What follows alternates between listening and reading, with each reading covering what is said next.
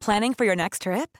Elevate your travel style with Quince. Quince has all the jet setting essentials you'll want for your next getaway, like European linen, premium luggage options, buttery soft Italian leather bags, and so much more. And is all priced at 50 to 80% less than similar brands. Plus, Quince only works with factories that use safe and ethical manufacturing practices. Pack your bags with high-quality essentials you'll be wearing for vacations to come with Quince. Go to quince.com/pack for free shipping and 365-day returns. Den där, den här bruden som du håller på med, eller ni ska Prata inte för mycket nu. Det här är en podd. Mm. Ja. Kan vi klippa tillbaka? Ja, vi får klippa i början. Nöden har ingen lag. Avbryt inte. Hej! Stötta gärna oss på Swish. Nummer 123 535 4857. Ni kan också följa oss på Instagram och Facebook under Cyril och Stig. Välkomna till ett nytt avsnitt av podcasten Cyril och Stig. Cyril, det är jag Cyril Hellman. Stig är författaren Stig Larsson. Podcasten produceras av Storyhood. Dagens gäst är Martin Agård. Martin är biträdande kulturchef på Aftonbladet. Han är också gitarrist i Dr. Cosmos. Martin är aktuell med boken Popkulturens död som han skrivit tillsammans med sin fru Natalia Kazmierska. Välkommen säger vi till Martin Agård som sitter hemma hos mig här med mig och Stig. Hemma hos mig på Kungsholmen. Tack. Du är, du är aktuell med boken Popkulturens död skriven tillsammans med din fru Natalia Kazmierska. Yes, stämmer bra. Hon kunde tyvärr inte närvara här på grund av bebisar. Vi är glada att du är här. Du, du, men er bok, vad, vad ska man... Det stora temat är att popkulturen, alltså popmusik också framförallt har blivit död. Att det har gått, blivit någon form av borgerlig grej. Att det var inte... Som jag var ju själv, när jag började på Svenska Dagbladet skrev typ dock understreckare light kallar de och folk blev jätteupprörda att jag skrev analytiskt om Marilyn Manson och Eminem och så här. Medans, och då märkte man, framförallt läsare från de finborgerliga blev jätteupprörda. Men, men som ni skriver här, det är inte de som behövde vara rädda utan det är popkulturen som har dött snarare på grund av det här. Nej men vi är väl lite samma andas barn. Du vet, man satte igång på 90-talet i den postmoderna andan. Skulle högt och lågt rivas upp liksom. Och det fanns ju... Det började ju skrivas en del bra populärkulturkritik då på 90-talet. Det ska man inte sticka under stol med. Sen skulle jag vilja säga att det kom en, en reaktion på det. Ärligt talat. Att må, många, ja, många ur den generationen blev liksom aldrig särskilt tongivande kulturskribenter eller liksom... Men vad menar du Anders Lokko då? Ja, men till exempel, jag menar, det är inte så att Anders Lokko sitter som kulturchef på en, Nej, det stor det svensk inte. tidning. Liksom. Han, Men har, han har ju sin roll, absolut. Men han tillhör ju en av dem. Men grejen med den här boken var ju liksom mer... Vi ville hitta eh, populärkulturens radikala rötter. Den, liksom, den folkliga omvälvande rörelse det faktiskt var på 1900-talet som gav folk makt, gjorde fattiga, marginaliserade människor till superstjärnor. Och hur den liksom enorma kulturen dels har liksom motverkats av, av politiska krafter och av eh, ett klassamhälle som eh, eh, har ätit upp populärkulturen. Det, det låter väldigt spretigt här men liksom, vi har försökt göra det Den är tematiskt. spretig och sådär men men det, jag, håller, jag håller inte med om allt men jag håller med om det mesta. Ni skriver med auktoritet tycker jag liksom så att man blir... Ja, alltså, jag, jag sträckläste ju boken. Därför jag tyckte det helt enkelt det var så lättläst och samtidigt var det så mycket information för mig. Va? För mycket av det här visste jag. Eh, mycket visste jag inte ett dugg om. Men det är ni också med, så, så, med, med det här med... Ni tar ju också upp det här med att... Eller det som du sa nu, att, att marginaliserade människor, fattiga, fick en, en röst. Medan ni tar också upp det här som att i England i 60% kommer från privatskolor utav musikerna nu. Och man har sett. I Sverige har det ju från Broder Daniel och Håkan Hellström som gick Göte, privatskola i Göteborg till Avicii till exempel. Och att, att det, Men det är, i England är ju klassamhället så himla transparent och alla känner ju till hur det fungerar. Och det är väldigt lätt där, för där kan du bara titta på vilken skola har du gått på. Liksom. Och när du då upptäcker att, att en överväldigande majoritet av alla popartister som dels lyckas försörja sig nu på musik och dels blir stora, som har, tid, som har tid och möjlighet att ägna sig åt popmusik, de har gått på, på de här välkända, i vissa fall extremt exklusiva privatskolorna i England. Vi tittade ju på samma sak i Sverige. Och där ser man ju Vi har ju inte ett lika liksom, transparent och tydligt klassamhälle som, klassamhälle som England. Men här kan man ju se att för att lyckas som popartist idag så måste du gå på musikgymnasiet. Och det låter ju Det låter Kanske tre, ja, det, det, alltså, det, det kan ju låta trevligt ur en aspekt. Ja, vi har ett sånt trevligt Det socialdemokratiskt låter samhälle. så som jazz utvecklades. Alla talanger. Ja, men precis. Ja, men jazzen är ju en del av det här. Vi har inte skrivit om jazzen för vi kan inte jazzen. Mm. Vi har inte skrivit särskilt mycket om hiphop för vi kan inte hiphop särskilt bra. Men vi har väl skrivit om... Ja men i jazzen så var det ju så här va. För jag kan ju då Miles Davis, jag har läst den här Miles Davis. Han gick i Juilliard i och för sig. Alltså han gick ju på, han gick Ja. ju på, på Det var därför han och Chet. Baker, han avskydde Chet Baker för Chet Baker var autodidakt. Ja men alltså han, han, han gick ju eh, musikhögskolan. Hans pappa var ju tandläkare. Han tillhörde ju en sorts svart eh, övre medelklass. Mhm. Men sen hoppade han av den. Han hade ju en så jävla schyssta eh, föräldrar. Alltså du kan tänka han som första, jag tror han var första svarta eleven där. Men så här, vi snackar 40-tal va? Mm. 46 någonstans. Men så träffar han Charlie Parker och Charlie Parker flyttar in i hans kök. Mm. Och så börjar han hänga med de här killarna. Men Parker hade en eh, ganska annorlunda bakgrund. Ja, ja. Mm. Och han pundade men eh, Miles Davis han började, han rökte inte ens och drack inte alkohol i början. Mm. Så det dröjde till han var 22 år och så innan han började ens röka. Ja, skillnaden mellan dem var att Charlie Parker gick rent i huvudet och Chet Baker också medan Miles Davis visste hela tiden vad han gjorde Ja musikaliskt. precis. Och han blev ju då snabbt också någon form av ledare. Men det, var, det är intressant att läsa den här boken. Det är hur pass mycket grupperingar betyder. Och hur pass mycket solidaritet mellan de här människorna betydde. För det var ju då en, en lockout emot musiker. Och det var den som gjorde att han kunde plocka de bästa ur storbandsjazzen. Eh, och det var ju framförallt vita musiker som var jävligt bra va. Alltså från Claude Thornhill Orchestra är liksom grunden till Miles Davis första sättningar. va, De första inspelningarna. Och han var ju redan när han var 18 så gjorde han ju då, eh, ledde han ju då en, alltså en grupp. Han hade ju sån auktoritet. Men till, tillbaka till popmusiken. Förutom det som du sa med, med man måste gå musikgymnasium kan det också ha att göra med att du måste, nu, idag så kan ju alla göra musik själva hemma, he- i hemmet så att det funkar på Spotify med en egen studio. Då krä, men då krävs det lite kapital till att bygga en hemmastudio ändå med program och datorer och, och sådana grejer. Kan det, Ja, men det gör det. Alltså Sen musik... skriver ni också om det här med, med, med, med att du kan vänta på pappas pengar. Så du har lite tid och, och bara sitta hemma. Ja, men precis. Men hela musikvärlden har ju genomgått en enorm transformation på bara ja, de senaste 20 åren sedan liksom nedladdningen och fildelningen. Men jag måste bara ett inpass om jazzen. För att, Johan Fornäs är en forskare som har skrivit om jazzen i Sverige och han skriver ju om hur när den kom till Sverige så var liksom de som anförde den var liksom en blandning av riktiga knegare som oftast var musiker, många sjömän, så här, göteborgare, eh, kommunister och överklassgossar som hade rest och hört jazzen. Så där. Så Ja, det var en spännande mix där bara. Men jo, tillbaks. Eh, Det som har hänt är ju att det har blivit omöjligt att försörja sig på musik. Helt enkelt. Och det har ju fått stora konsekvenser. Alla inspelningsstudios som vi kände dem har ju börjat lägga ner.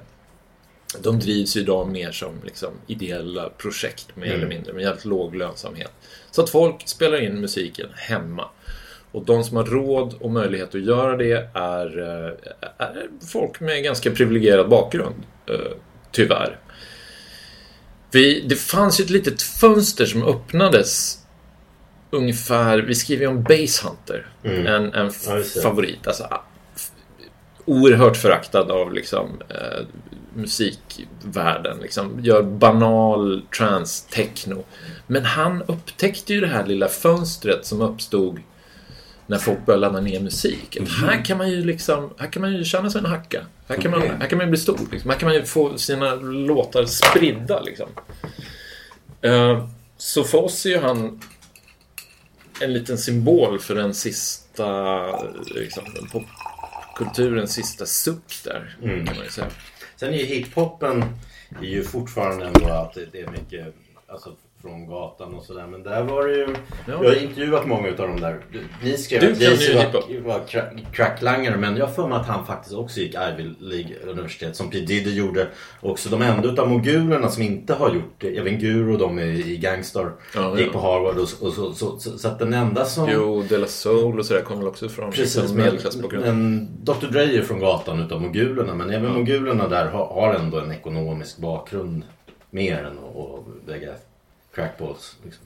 Men du kan ju hiphopen. Hur ser du, för att som det ser ut nu, nu har ju, i fjol blev ju hiphop världens största musikstil om man liksom mäter försäljning. För första gången. Större än rock, större än popmusik, det som kallas vit popmusik. Men hiphop och R&B då. Om vi, om vi tittar på svensk hiphop så var ju utvecklingen så här att jag kan nog faktiskt ta åt mig äran på att idag hör vi bara från förorten men det var ett tag bara Mange Smith, Ison och Fille, Snook, nej inte Ison och Fille, dessa fel, Fylty Afasi eller vad de hette och, och eh, Snook och sådana. Det var, det var bara som min kompis Leo där i Kartellen, kinesen kallade för kaffelatte-rap. Och jag var ihop med hans barndomsväninna, en, en eh, latinamerikansk jättetjej från, från, från Jordbro då, som hela tiden beklagade sig för mig. Varför i Latinamerika, i Frankrike, allt, i USA, allt är hiphop på gatan. I Sverige är det bara den här hiphopen typ. Och det bidrog till att jag gjorde de första artiklarna av, om kartellen. Då vände det snabbt. De här andra blev hånade, vilket också var taskigt Petter och dem. Men, men det blev bara äh, gatan. Nu är ju texterna bara bor i orten, becknagram och vi har ingen framtid och det skjuts. Och Nu har det gått för långt åt andra hållet. Det skulle behövas lite utav, den, utav de här medelklass från hiphopparna från Södermalm också ty, tycker man. Men det går ju bra för dem. Det går ju bra för Young Lean. Jo, jo, precis. Pre- Jo, precis, precis. Men jag tror att det kommer, med hiphop kommer det mycket i cykler också. Att du hade conscious rap på, på 90-talet, sen kom det bling bling och liksom. Och så går du tillbaka och sådär. Men Men det är intressant. Men i Sverige just att, att hiphopen var så himla vit från början. Att Ja. så här, just det liksom, Ja. definierade... det började med just det och sen kom Latin King som en reaktion på det också. Men Latin Kings var ju bra. Ja, och de Ja, ja. framförallt andra plattan där Ja. var liksom... Jag minns när jag hörde den första gången för jag var ihop med en musikkritiker då. Så jag hörde den innan den hade kommit ut, den skulle recenseras. Ja. Eh, den här med Jag är ett spjut i din som kommer, den här kärlekslåtarna som är så jävla bra. Men där med Latin Kings var att det, det är ganska lustigt för då gick det ett program på Uppdrag granskning eller något sånt där som bevakade Ultima Thule och vit maktmusik. Men så gjorde de också några invandrare som rappade på Fryshuset. Och båda de, ingen hade skivkontrakt men efter det så fick eh, båda skivkontrakt att bli stora på sin kant. Så det var att skivbolagen sökte efter något Okej. nytt. Ja. Jaha. Och det kom fram ur det programmet. Tror jag. Vad intressant. Men alltså, okej, de här spänningarna finns ju i Sverige. Men i USA är ju liksom... Där är ju hiphopen, har ju alltid innefattat den här starka spänningen liksom mellan... Eller, det, finns ju en konflikt där liksom, kring ras som liksom nu ställs lite, och eh, politik som ställs på sin spets nu när liksom hiphopen har blivit den största eh, musikstilen. Och frågan om appropriering som man visserligen lätt kan skratta bort och säga så här, det är väl klart som fan att vem som helst får väl rappa. Liksom. Det är inga konstigheter egentligen. Men det finns ju en anledning till att den frågan är så laddad. Och det handlar ju om alla dessa människor som har jobbat med sitt...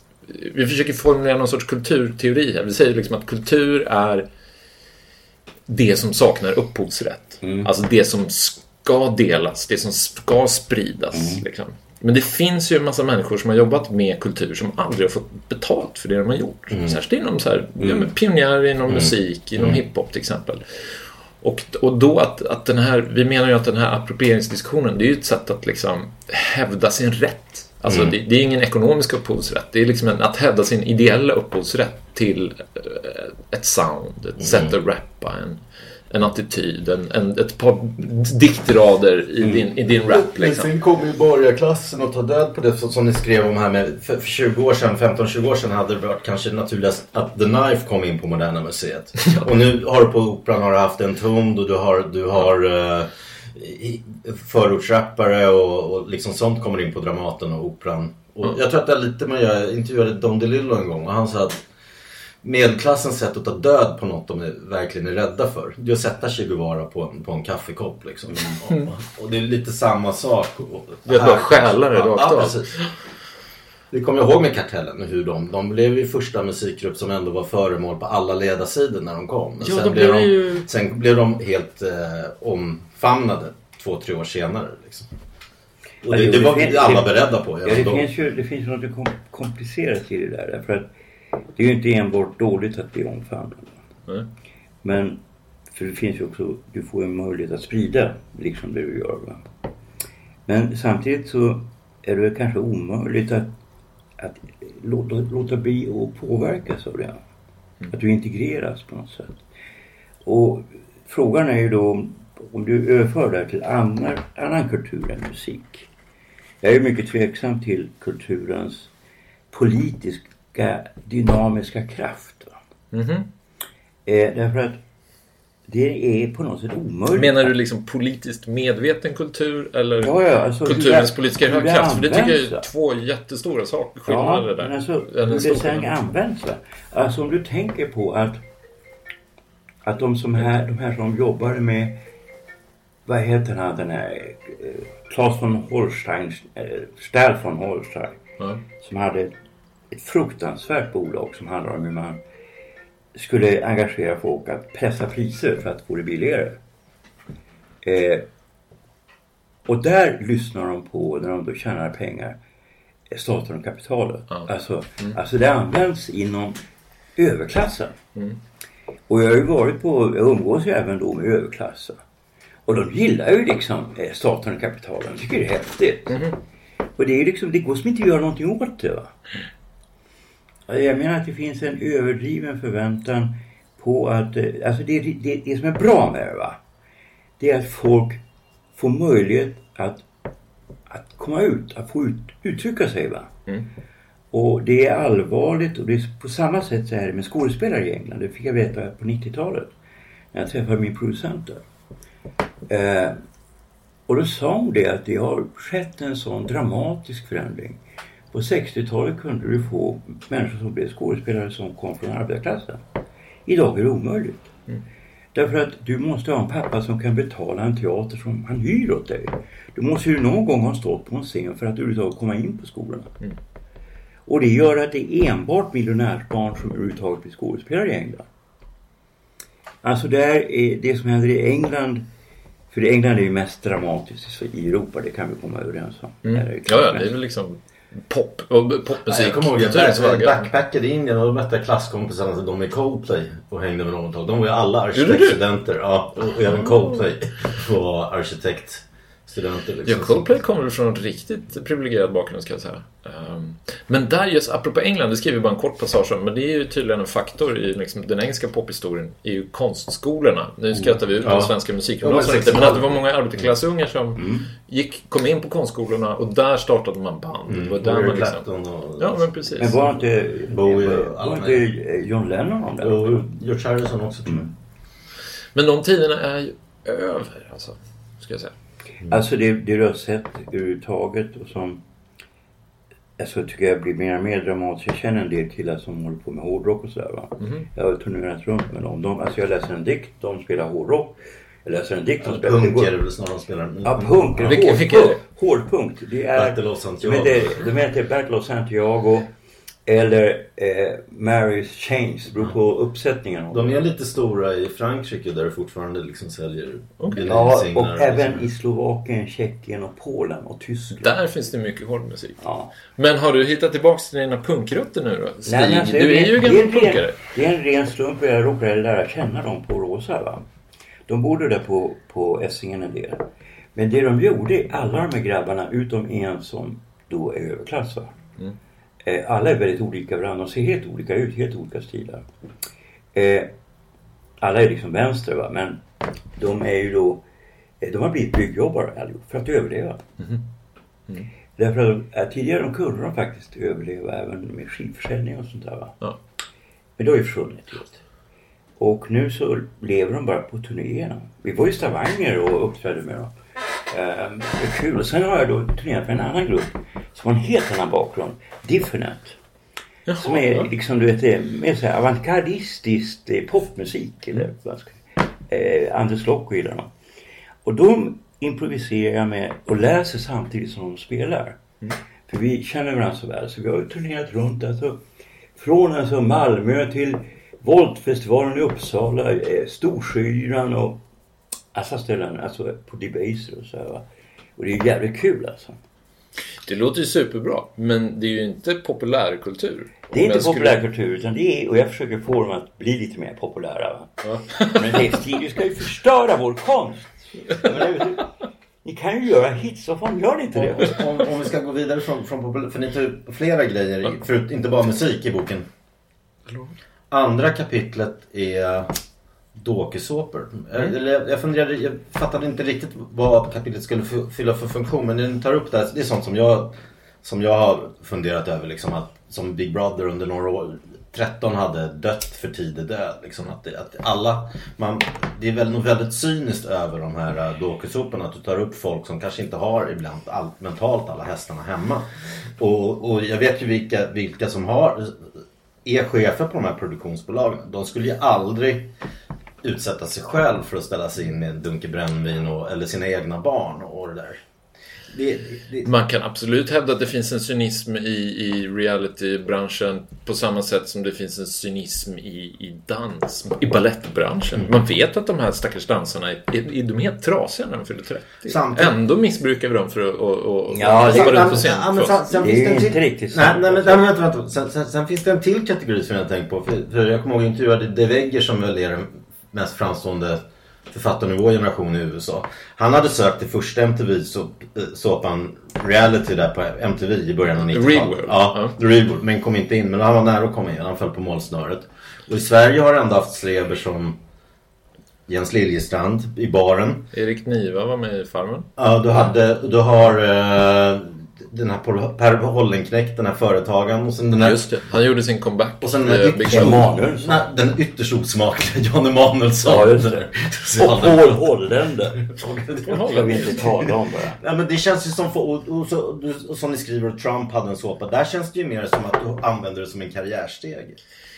Det är klart, Bland de det här är ju smartare kanske än de andra. Men att, att det faktum att, att det är så många Big Brother-deltagare som har dött en tidig död säger också någonting om eh, klassbakgrunden på de som har varit med. Och det var ju det som var vår poäng där. Att, att reality-tv visade ju för första gången upp människor som aldrig tidigare hade haft en chans att figurera i massmedia på samma mm. sätt. Om de nu inte hade en stor talang på, på något område sådär. Fick vara med i Hylands hörna.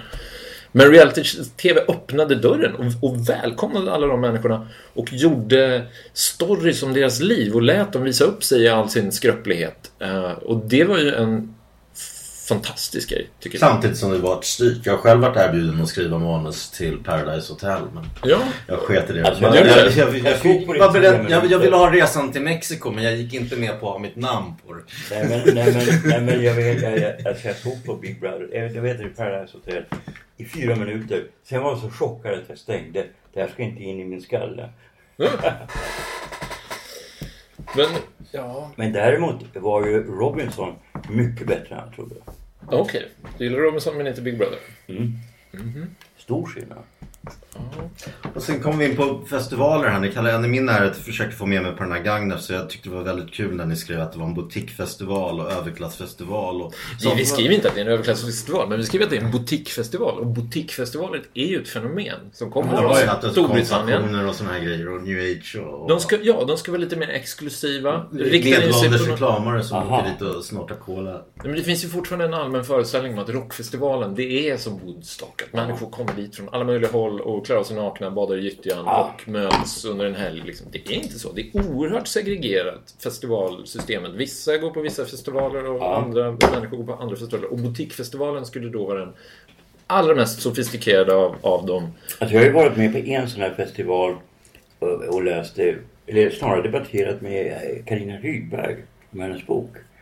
Eh, det var Popcornfestivalen. Mm. Och eh, jag var ju då, eh, jag fick då se möjlighet att se Primal Scream som jag gillar. Planning for your next trip? Elevate your travel style with Quince. Quince has all the jet-setting essentials you'll want for your next getaway, like European linen, premium luggage options, buttery soft Italian leather bags, and so much more. And is all priced at 50 to 80% less than similar brands. Plus, Quince only works with factories that use safe and ethical manufacturing practices. Pack your bags with high-quality essentials you'll be wearing for vacations to come with Quince. Go to quince.com slash pack for free shipping and 365-day returns.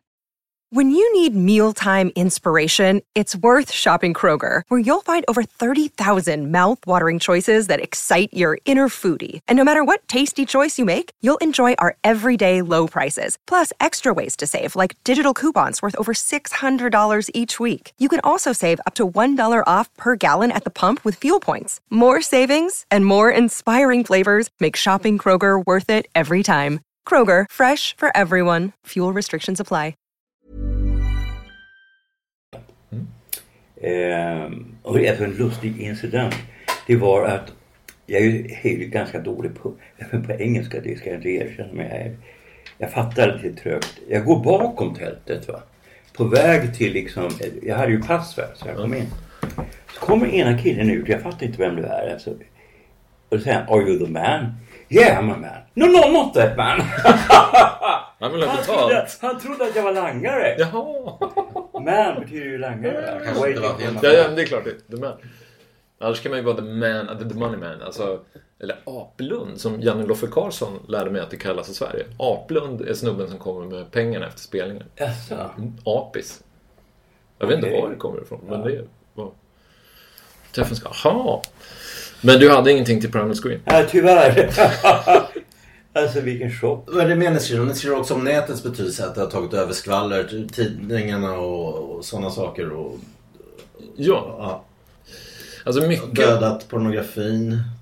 Ja. ja. Ja, det, det är ju ett allmänt känt fenomen eh, vad det gäller populärkultur. Men eh, skvallerjournalistiken har ju också genomgått en, en metamorfos. Från att ha varit liksom en, eh, ett fält som har ägts av kvinnor framförallt. Och många populärkulturella eh, fenomen har ju gjort sin karriär inom ramarna. För att populärkultur handlar ju om att massmedia möter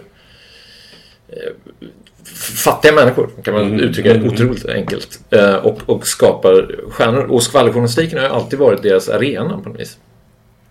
Eh, men den har ju liksom på senare år maskuliniserats. Inte minst genom den absolut största eh, skvallersajten just nu, TMZ. Som, eh, som, vill, som gör liksom stenhårt grävande kriminaljournalistisk skvallerjournalistik. Och liksom, den är, får ju ett otroligt genomslag. Men det, skvallerjournalistiken har ju helt ändrat, ändrat karaktär. Fått, det är liksom skvallerjournalistik för män. Jag tror, Det kan man säga uttalad, Flashback och de svenska, de här högerextrema sajterna också är. Det finns absolut. De, det är ju en sajt som har liksom mött konkurrensen från det, det fenomenet. Eh, flashback. Och vi skriver, vi skriver ju en hel del om, om Flashback också. Men i ett annat sammanhang. Nämligen hur liksom det subkulturella hatet mot politisk korrekthet. Alltså punkens gamla förakt för hippies och punkens gamla förakt för... eh, Ja, för det är bra att ni skriver om det. För det Ja, för det- hur det har liksom övergått i någonting eh, ganska otäckt i våra Ja, dagar. för att det, bör- alltså det 70-talet som ni tar upp, Ramones och alla när, när de hade naziklenoder. Det var ju liksom en ironi och, och just ta död på, på hippies Ja. grejen med deras peace, love, understanding. Och de var ju inte så, de, de föraktade ju Socialdemokraterna och sånt också men de föraktade ju högern, Thatcher och de mest. Absolut. Så, men nu har det blivit med i Sverige Don Parks och, och vi satt har blivit snarare ett verktyg för Mm. att, att, att, att, kalla sig punk för dem. Var, Lester Bangs skrev ju väldigt tidigt om den amerikanska punken att det var liksom den första kritvita rockmusiken. Ja. Och det, var ju liksom, det fanns ju en attityd inom den tidiga New York-punken att, att förakta all svart musik. Tidigare rockartister, Rolling Stones och så här, de hade ju odlat sitt arv bluesen, liksom, den svarta musiken. Men punkarna, de tidiga punkarna var så bara Fuck that shit, vi, vi spelar Didi liksom... Ramone älskade sådana som Ronettes och, och sådana i och för sig. Det är sant, absolut. Där fanns det ju. Mm. Men det fanns andra som verkligen tog avstånd från disco och soul som man tyckte var ytligt. I England hände ju någonting helt annat. Där liksom Clash Mm. och eh, Public Image Limited tidigt började liksom spela reggae. Och liksom... skillnad mellan brittisk och amerikansk punk det var att i, i, i England var punk en tonårsgrej och nationell skandal. Medan i New York var det en konströrelse å andra sidan. Om du kollar på Television, Blondie Ja, och definitivt. Talking Heads. Alla de är en annan typ av band som inte... Ja, jag känner, du vet Kim Kuso. Han, han var ju den första punkaren kan man säga i Sverige. För han, han tog en... Var träffade du då? Han var Vi börjar säga här nu att du har gjort en dokumentär om tidig svensk punk. Ja, det har jag gjort. Och då träffade jag då Kim. Han hade ju då redan 76 så hade han då eh, träffat de här på den här, i den här klubben, eller den här sexaffären. Som det är, är sex är uppkallad efter. Eh, och han har träffat dem Vivian Westwoods eh, Ja, precis. Och han berättade då att det var egentligen var det en kille som, eh, vad heter han som Sid Vicious. Han kom ju in, han var egentligen inte lika bra. Det var en annan kille som, Han kunde knappt spela. Men däremot var han en modeslav. ja Och just det var han snygg va? Och Malcolm Mc- McLaren han sa du ut och han in. Eh, och han sa, ja, men han berättade också att de som allra först var The Damned. Eh, eh, hösten före. Och hans svåger är nämligen Brian James. Eh, som ledare för. Eh, Visste du att Stig känner Paul Simonon i Clash? Snyggingen i Ja, Clash. Oj! Hur kommer det sig? Ja, alltså jag gillar ju tjurfäktning och det gör han också. Så vi träffas i Madrid och ser tjurfäktning. Okej. Tillsammans med en, en ledande eh, fascist. Okej. Vem Men alltså det är en snubbe från Sverige som är uppvuxen i Spanien. Ja. Eh, Det känns ju lite som en fascistisk Ja, men- konstform. Nej men alltså det? nej, men tjurfäktning är fantastiskt när man ser det. Alltså bra tjurfäktning. Det är ingen djurplågeri. Jag har sett en gång. Jag var fascinerad över att det var en sån hästföreställning. Att Ja, det var var så, de är så fruktansvärt skickliga. Min pappa skrev en hel bok Alltså, jag- om jag såg tjurfäktning. en Han tog med mig igen på tjurfäktning. Jag tyckte, Han det var- gjorde- jag tyckte det var bisarrt med, med Nej men alltså jag såg en synd om kille. Alltså det finns något som heter, innan finalerna går va, i maj. Ja. Så finns det något som heter Mano a Mano. Och det är de bästa unga va. Som går liksom eh, kvartsfinal så här va. Och vi såg finalen då mellan Kurodios och, Kurodias och eh, någon annan kille. Jag kommer inte ihåg vad han hette. Och då så ser jag hur den här killen Kurodias, han blir alltså stångad. Åker rakt upp i luften. Det är 650 kilo tjur. Och gör en frivolt upp vid två och en halv meter. Landar på fötterna och dödar tjuren så här. Du vet, då blir man impad. Det är lite macho. Det låter som föreställning. Ja, verkligen. verkligen. Men är det kultur eller är det idrott? Alltså, Det är de en ser ju kultur. själva. Och den här, min pappa översatte den här Döden på eftermiddagen av Hemingway. Den, Mm. och han, han har ju en lång essä efter Hemingway. Han har skrivit efter själva romanen. Om hur vilken konst det är. De ser skönhet hur de viftar med de här grejerna. Alltså det jag, är så vet, jag fick ju gå på de där grejerna jämt när jag var liten. Jag, jag, tyckte, jag tyckte bara synd om tjuren. Alltså nu är det ju så att de har ju, eh, alltså de har ju då eh, operationspersonal på arenan. Så det är ju färre som dör nu. Tidigare dog samtliga framstående tjurfäktare på arenan. Och då överlever du? Så det är liksom lite färre. Lite för... Ja, det... Får man ju säga. En annan grej, om vi hoppar vidare, som ni skrev om som, som också var intressant. Att tidigare har man alltid haft man är, de här borgerliga bildningsidealen med, med, med, med, från studier eller om man ser som de som Jan Myrdal som, har- som har förvärvat sig kunskaperna på egen hand. Men att det var ändå något fint med bildning har man sett. Det är något man förvärvar som ni skriver. Medan vi gick över från de här klassiska liksom, kulturämnena till datanörden blev stjärnan. Ja, Vi har en teori där om, om liksom hur, alltså det klassiska bildningsidealet, vi känner alla till det, det härstammar ju från 1800-talet. Sådär. Och det har ju, det fick ett enormt genomslag. Arbetarrörelsen anammade det totalt, även om det liksom var en borgerlig skapelse från början. Så här, man ska läsa böcker, man ska läsa en viss uppsättning författare, konst, Ja, etc. min pappa var ju byggnadsarbetare. Ja, Han, visst. de var ju då, vi hade ju ett bibliotek hemma. Han var, de var med i Riksteatern och så här, du vet. Jo, men som ni skriver också även i tunnelbanan i Moskva så att arbetare med verkligen. böcker. Och de var humanister. Det var ju, så här, det var ju humanisternas eh, makt, som hade makt över liksom bildningen. Men med internets genombrott så kom det ju liksom en ny klass kulturbärare som var teknologer. De var teknister. Det var, deras bakgrund. Det var de som liksom behärskade det här nya kommunikationsmedlet. Det var de som skrev Wikipedia-notiserna. Det var de som byggde sajterna som all vår liksom bildning numera utspelar sig på. Liksom. De som har skapat våra mobiltelefoner. Och de tog ju en allt större plats under 00-talet i liksom, det kulturella samtalet. Alltså nörden. Nördifieringen. Liksom. Man började glorifiera nörden. Och, och numera kallar sig folk med stolthet för nördar. Och även liksom den klassiska bildningen såväl som, som den populärkulturella bildningen tog de över. Och vår poäng då att, att liksom populärkulturell bildning för en generation sedan det handlade om den som var liksom bildad, nu gör jag så citattecken med, med fingrarna. Det var ju den som var cool. Den som var hipp, den som förstod populärkulturen. Eh, och det kunde liksom vem som helst göra. Eh, om du bara liksom hade rätt byxor, rätt frisyr, lyssnade på rätt musik och läste rätt tidningar eller vad det nu var. Liksom så här. Det var en, en, en bildning som var skapad av och tillgänglig för arbetarklassen. Men i och med att liksom nördifi allting nördifierades eh, tack vare internet så blev det liksom, det, det, var medelklassen som tog makten över, över bildningsidealen. Det låter lite flummigt kanske, men det är tydligare kanske när man ja, läser. men jag förstår det. Ja. En annan grej. Och det, där vi, vi dissar ju nörd... Och nördighet är ju per definition någonting ofarligt. Om man säger så här, oh, jag är en sån hiphop-nörd. Mm. Då är, då, är, då är inte du, du är liksom ingen hotfull hiphoppare då. Nej. Om det är så här, åh nej, här kommer liksom de coola killarna från gettot. De har uppfunnit en ny musikstil. Och tjejerna. Eh, det är ju någonting skrämmande, något hotfullt, Mm. något som medelklassen inte förstår sig på. Liksom. Men genom att göra eh, kunskap om populärkultur till nörderi, Mm. då gör man den också ofarlig på något vis. Fattar ni vad jag menar? Jag. Ja, men sen, sen är det också en annan grej jag tänkte på. Det var lustigt att jag läste det också för jag håller på med en novell nu där huvudpersonen är en docent i filosofi som är helt inne på Gramsci. Ni, ni skrev ju det att och, Gramsci satte ju istället för Marx med kapitalet i fokus satte han kulturen. Ja. Men ni skrev det att Sverigedemokraterna har medvetet, jag visste inte att de var så smarta, liksom gått in för att göra samma sak och studerat Gramsci. Jag, jag blev helt Att chockad. Jag tror Karlsson typ, det var ganska länge sedan nu. Tio år sedan jag intervjuade honom för en artikel om Sverigedemokraternas kultursyn. Mattias Karlsson. Mattias Karlsson. Ja. Det är liksom den stora ideologen i Sverigedemokraterna. Sitter på hans riksdagsrum där. Och han har en liten bokhylla med inte särskilt mycket böcker, men några stycken sådär. Och bland Gramsci. Så jag var såhär, men herrejösses, läser du Gramsci? Och det visade sig att han var fullkomligt inläst på, på hela den liksom, idétraditionen och liksom 68-rörelsens kampmetod. Han har säkert läst Marcuse och allt sånt där.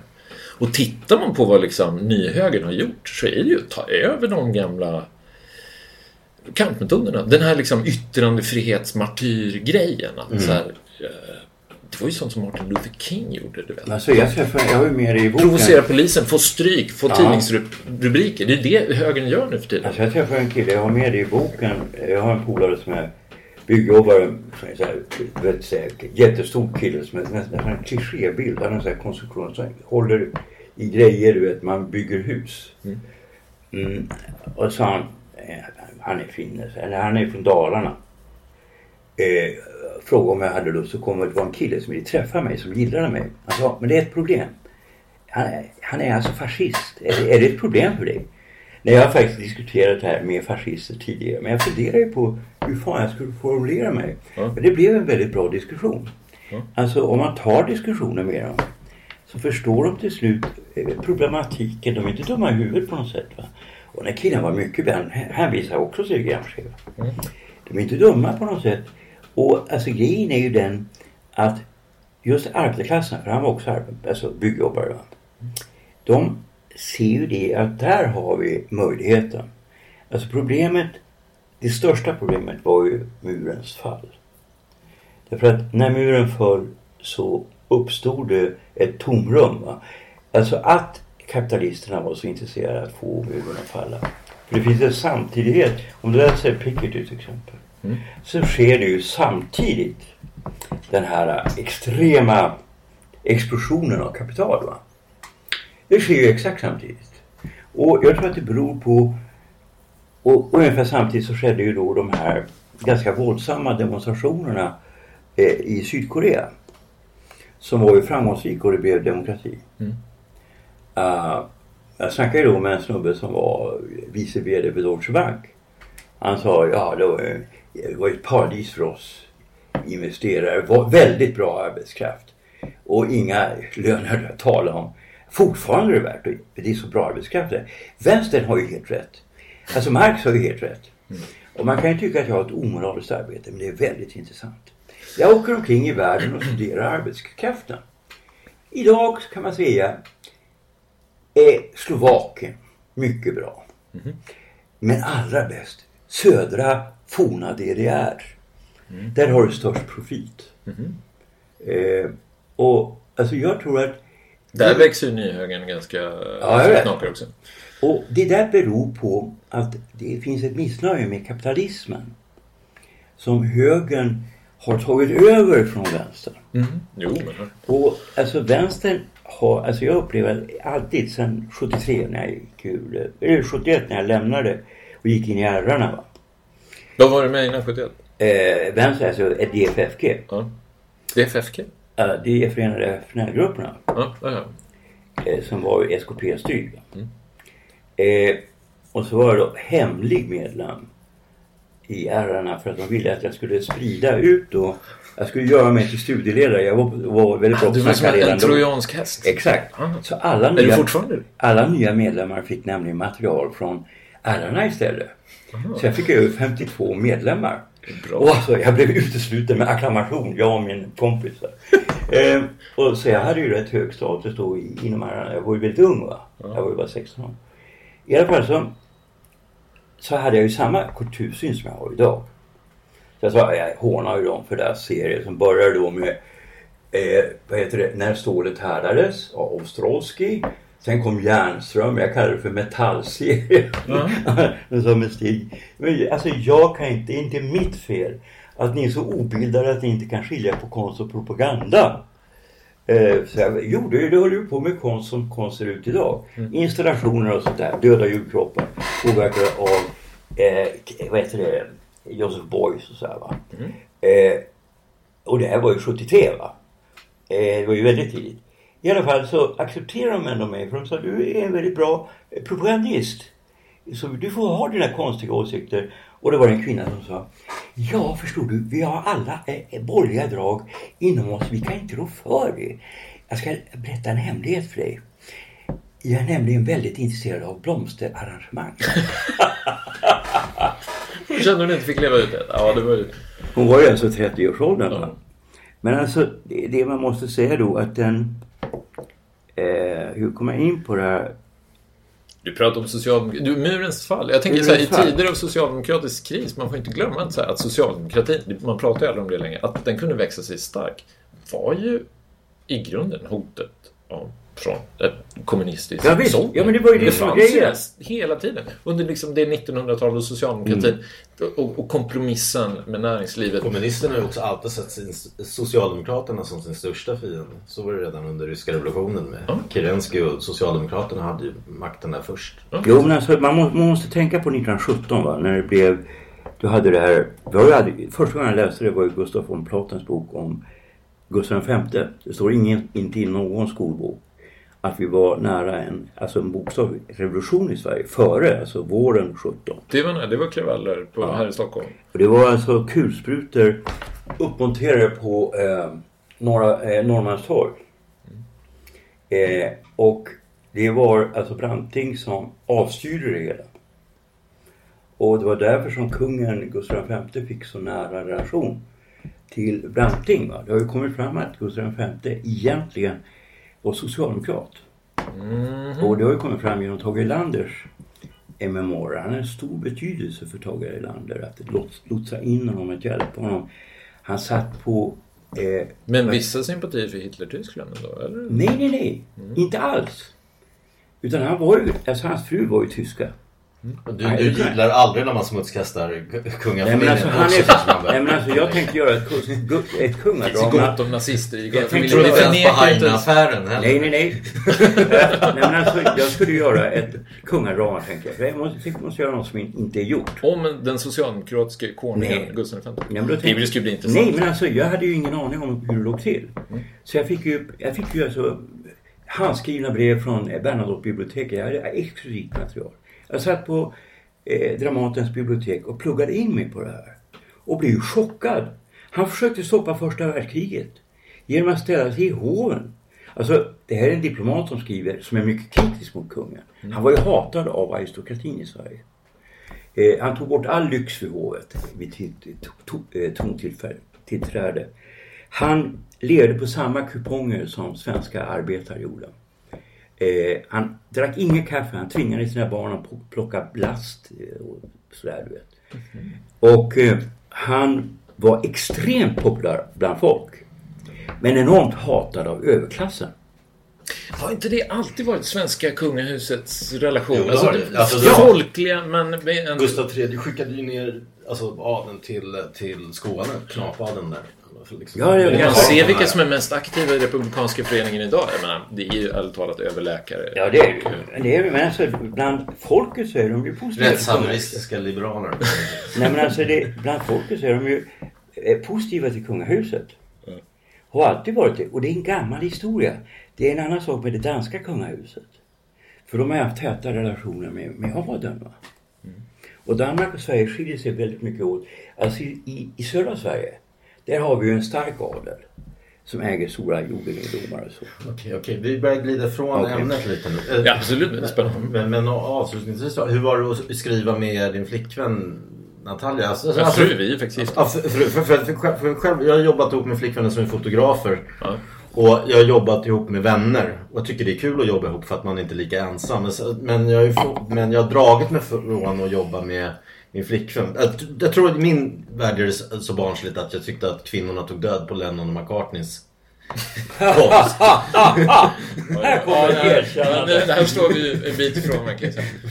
Det, det har varit fantastiskt faktiskt. Eh, Vi, vi lärde känna varandra genom att jobba ihop. Eh, Vi gjorde konsttidning tillsammans och sen dess har vi liksom haft ett pågående samtal om eh, kultur, populärkultur och de här frågorna. Vi har pratat om det i åratal.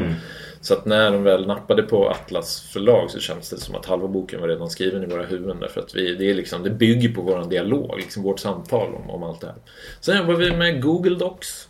Simpelt. Man kan gå in och skriva i varandras texter. Och Ah, då får, häftigt. måste man ha förtroende för varandra. Då måste man Absolut. jag kan ju säga till henne, gå in och gör min text bättre. Och Ja, jag ni vet att hon gör det bättre. Ni gör bara Ja, men egna texter. Jag har ju den tacksamma rollen att vara en lite sämre stilisten här så att det är liksom för mig Ja, bara tacksamt att hon går in och redigerar. det, det är väl ganska, för jag träffade ju Natalia väldigt tidigt när hon började på Expressen. Ja. Och hon är ju alltså alldeles utmärkt stilist. Fantastiskt. Eh, och det märkte jag ju på en gång alltså. Eh, jag vet inte, hon hade ju inte varit där länge. När, jag jobbade ju som frilansare där då. Det var en väldigt kul tid på Expressen tycker jag. Man öppnade Expressen varje dag och var så Ja. vad fan har de hittat på Ja nu? men alltså det var ju levande på något sätt och jag tyckte det var kul att jobba där också. Även om jag kom ihop med, med vissa på kulturredaktionen. Mhm. Så jag fick sitta bland de här andra. Alltså, för jag behövde hjälp, jag var så dålig på datorer. Va? Eh, och det var en fördel för mig för jag lärde ju känna då kriminaljournalister och sånt där. Som jag sen viss användning Ja, kan jag tänka mig. Eh, och de tyckte ju att jag var schysst för det fanns ju, Expressen var ju det stora undantaget, det har man glömt bort. Från de övriga tidningarna så fanns det en motsättning mellan kulturredaktionen och den övriga redaktionen. Men, Alltid inte, klassisk spänning. Nej. men inte på Expressen. Nej. Och det berodde, berodde på Bosse Strömstedt. Ja. Han var ju så jävla smart. Han, han lät folk cirkulera. Du är inne nu, så går du in på kulturredaktionen här va. Och så här va. Och, och det där har hängt kvar lite grann fortfarande. Eh, så Jag, gjorde, jag tror det börjar överbryggas nu att liksom kulturen verkligen är en del av eh, Kanske inte alltid en del av redaktionsledningen och sådär men det är ändå Ja. Det känns mer välkomnande. Jag har själv upplevt den där enorma klyftan mellan de riktiga journalisterna Ja. och kulturjournalisterna. Så var det på svenska när jag var där Ja, också. det var man, fruktansvärt. man man, ett typskyttekrig. ja, verkligen. Och liksom ett ömsesidigt förakt som är så här- Ja, det var, ju, det var ju hemskt. Och när jag då träffade de här andra på puben och så. De snackade ju då skit om kulturen och så. Så men alltså herregud, vänta nu. Jag tillhör kulturen. Jag tillhör till och med finkulturen. Ja. Nej Stig, du är en helt vanlig människa. Helt normal. Okej, ska vi sluta där?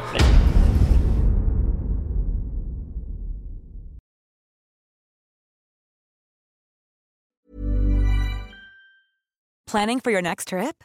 Elevate your travel style with Quince. Quince has all the jet setting essentials you'll want for your next getaway, like European linen, premium luggage options, buttery soft Italian leather bags, and so much more. And is all priced at 50 to 80% less than similar brands.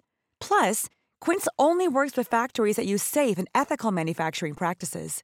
Pack your bags with high-quality essentials you'll be wearing for vacations to come with Quince. Go to quince.com slash pack for free shipping and 365-day returns.